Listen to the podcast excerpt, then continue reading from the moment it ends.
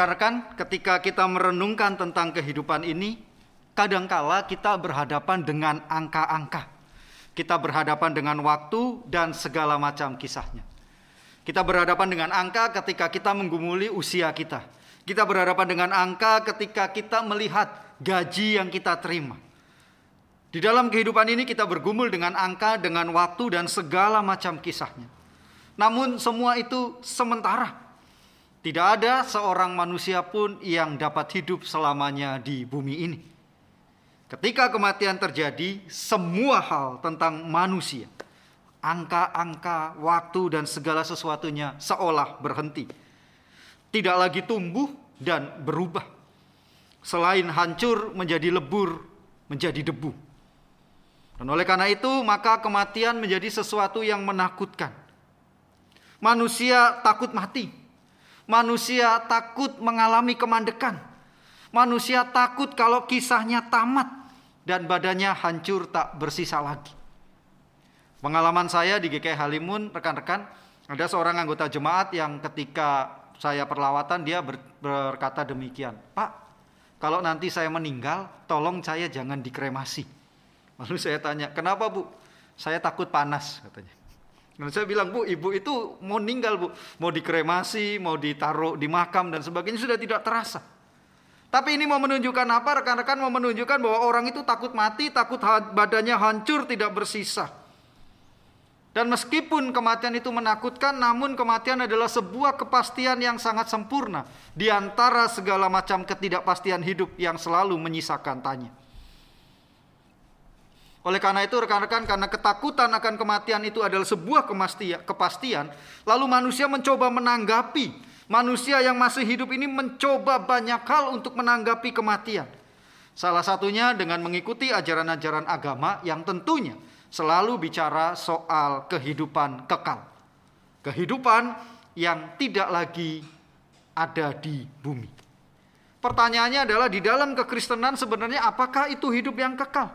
Dan di manakah kehidupan kekal itu berlangsung? Dan seberapa panjang waktu yang dibutuhkan untuk rekan-rekan dan saya ada dalam kehidupan kekal itu? Teks yang kita baca hari ini, Yohanes pasal 10 ayat 28, Yesus berkata, Dan aku memberikan hidup yang kekal kepada mereka, dan mereka pasti tidak akan binasa sampai selama-lamanya, dan seorang pun tidak akan merebut mereka dari tanganku. Rekan-rekan konteks pembicaraan atau ucapan Yesus ini terjadi pada saat hari itu adalah hari raya pentabisan bait Allah. Di dalam teks Injil Yohanes disebutkan hari itu adalah hari raya pentabisan bait Allah di Serambi Salum. Perayaan ini adalah sebuah perayaan yang berusaha memperingati, bertujuan memperingati penyucian bait Allah oleh Yudas Makabe. Bait Allah ini sebelumnya dinajiskan oleh seorang raja dari kekaisaran Seleukia bernama Antonius Epipanes. Antonius Epipanes masuk ke dalam bait Allah lalu meletakkan altar dewa Zeus Olympus di altar bait Allah. Lalu meletakkan daging babi untuk dipersembahkan kepada dewa Zeus. Padahal kita tahu babi adalah binatang yang haram dalam agama Yahudi. Tapi babi itu kemudian diletakkan sebagai sesaji di hadapan altar dewa Olympus di dalam bait Allah. Kejadian itu dilakukan pada tanggal 25 bulan Kislev tahun 168 sebelum Masehi. Dan tindakan inilah yang kemudian menyulut pemberontakan Yudas Makabe. Dia lalu menyucikan kembali bait Allah dan penyucian itu dilakukan tanggal 25 Kislev tahun 165 sebelum Masehi. Dan sejak saat itulah dilakukan perayaan Hanukah atau peringatan penyucian bait Allah. Rekan-rekan sekalian, sebagaimana Yudas Makabe adalah pahlawan yang berhasil membawa umat Israel bebas dari penjajahan Antiochios Epiphanes. Maka dalam teks Injil yang kita baca, Yesus Kristus mau mengatakan bahwa umat yang percaya kepada Yesus akan memiliki keselamatan dan hidup yang kekal atau hidup yang abadi. 2000 tahun yang lalu Sang Gembala Agung mengatakan bahwa dia akan menyerahkan nyawanya untuk menyelamatkan setiap orang yang percaya kepadanya dan tidak akan pernah sekalipun melepaskan mereka. Sang Gembala Agung menjelaskan bagaimana caranya memberkati domba-dombanya. Mereka yang mengenalnya secara pribadi akan menerima anugerah hidup yang kekal. Tidak akan binasa dan aman dalam perlindungan Sang Gembala Agung. Dan Yesus datang memberikan hidup yang kekal. Seperti yang tertulis dalam Injil Yohanes pasal 10 ayatnya yang ke-10. Pencuri datang hanya untuk mencuri dan membunuh dan membinasakan. Tetapi aku datang supaya mereka mempunyai hidup dan mempunyainya di dalam segala kelimpahan. Rekan-rekan ayat ini mau mengkontraskan pekerjaan iblis yang datang hanya untuk mencuri dan membunuh. Dikontraskan dengan pekerjaan Tuhan Yesus yang datang memberikan kehidupan kepada rekan-rekan dan saya. Dan kita akan memiliki kehidupan dan kelimpahan. Tentu yang dimaksud oleh Yesus ini bukan berarti rekan-rekan dan saya hidup dalam kelimpahan secara biologis begitu ya, secara duniawi. Tetapi ini adalah hidup dalam arti rohani. Hidup kekal menurut Yesus muncul dalam penenggalan doanya. Di Yohanes pasal 17 ayatnya yang ketiga. Inilah hidup yang kekal, yaitu bahwa mereka mengenal engkau, satu-satunya Allah yang benar, dan mengenal Yesus Kristus yang telah engkau utus. Maka ketika rekan-rekan dan saya bicara soal hidup kekal, dari teks yang kita baca hari ini, hidup kekal itu bukan hanya sekedar infinity dan segi waktu saja. Tetapi hidup kekal adalah sebuah kualitas, sebuah kualitas relasi kita dengan Allah yang benar. Kualitas hubungan kita dengan Tuhan melalui Yesus Kristus. Dan hidup kekal itu bukan didapatkan setelah teman-teman dan saya mati. Tetapi hidup kekal itu ialah keselamatan yang telah dianugerahkan Allah melalui iman percaya kita kepada Kristus. Artinya, beriman pada karya penebusan Kristus di Kalvari yang mati menggantikan dosa kita. Itulah kekekalan hidup rekan-rekan dan saya. Alkitab mau menuturkan bahwa kematian Yesus itu bukan jalan terakhir dalam hidupnya. Ia bangkit atas kematian dan kebangkitan itu mau menunjukkan apa rekan-rekan? Tema yang kita bahas hari ini adalah karena matinya aku hidup. Artinya apa rekan-rekan? Kebangkitan Kristus mau menunjukkan bahwa konspirasi kotor, jahat, kejam yang bermuara pada jalan kematian itu tidak akan mampu menggantikan budaya kehidupan jalan yang diperjuangkan oleh Yesus. Ketika Yesus disalib dalam Jumat Agung, itu konspirasi politikus, konspirasi ahli-ahli agama. Tetapi kemudian Paskah menunjukkan bahwa jalan kematian tidak akan mampu menggantikan jalan kehidupan yang diperjuangkan Yesus. Paus Yohanes Paulus II dalam surat amanatnya berseru kepada dunia supaya dunia menghindarkan diri dari budaya kematian. Dan ragam budaya kematian itu dikatakan oleh Paus Yohanes Paulus meliputi pembunuhan dalam bentuk aborsi, eutanasia, bunuh diri, dan perang. Itu salah satunya, rekan-rekan kebencian, dan kemarahan itu adalah asal muasal dari pembunuhan. Kebencian yang dipelintir kemudian menimbulkan dampak destruktif seperti perpecahan, dehumanisasi, dan pembunuhan massal. Dan itu adalah bagian dari budaya kematian yang kerap rekan-rekan dan saya jumpai dalam kehidupan sehari-hari. Dan budaya kematian itu kemudian menyebar di tengah masyarakat dengan membonceng ilmu pengetahuan dan teknologi dan tanpa sadar rekan-rekan dan saya menghidupi itu. Lewat internet, aneka konten yang bermuatan kekerasan, hoax, lalu ajakan-ajakan untuk melakukan aksi-aksi yang bertentangan dengan nilai-nilai kemanusiaan muncul. Dengan mudah diunggah, diakses oleh berbagai kalangan. Dan di sinilah budaya kematian itu menggunakan dalil viewer, likes, subscribe, share, atau populisme. Di media sosial, tindak kekerasan kerap dipertontonkan dan dinikmati oleh banyak orang. Tanpa sadar mungkin rekan-rekan dan saya menikmati itu. Salah satu budaya kekerasan yang kerap dipertontonkan dan dinikmati oleh banyak orang itu adalah konten tentang prank, teman-teman. Ya, kita sering lihat ya. Demi mengejar hiburan yang dianggap lucu-lucuan, prank kemudian dilakukan. Contohnya misalnya mengunggah soal teman yang sedang ulang tahun Ketika orang ulang tahun kemudian mendapat hukuman kan. Entah itu disiram, entah itu dikerjain dan sebagainya. Lalu kemudian semakin orang tersebut menderita, para pelaku semakin senang dan bahagia. Hal sederhana itu teman-teman tanpa disadari menjadi budaya cinta akan hukuman.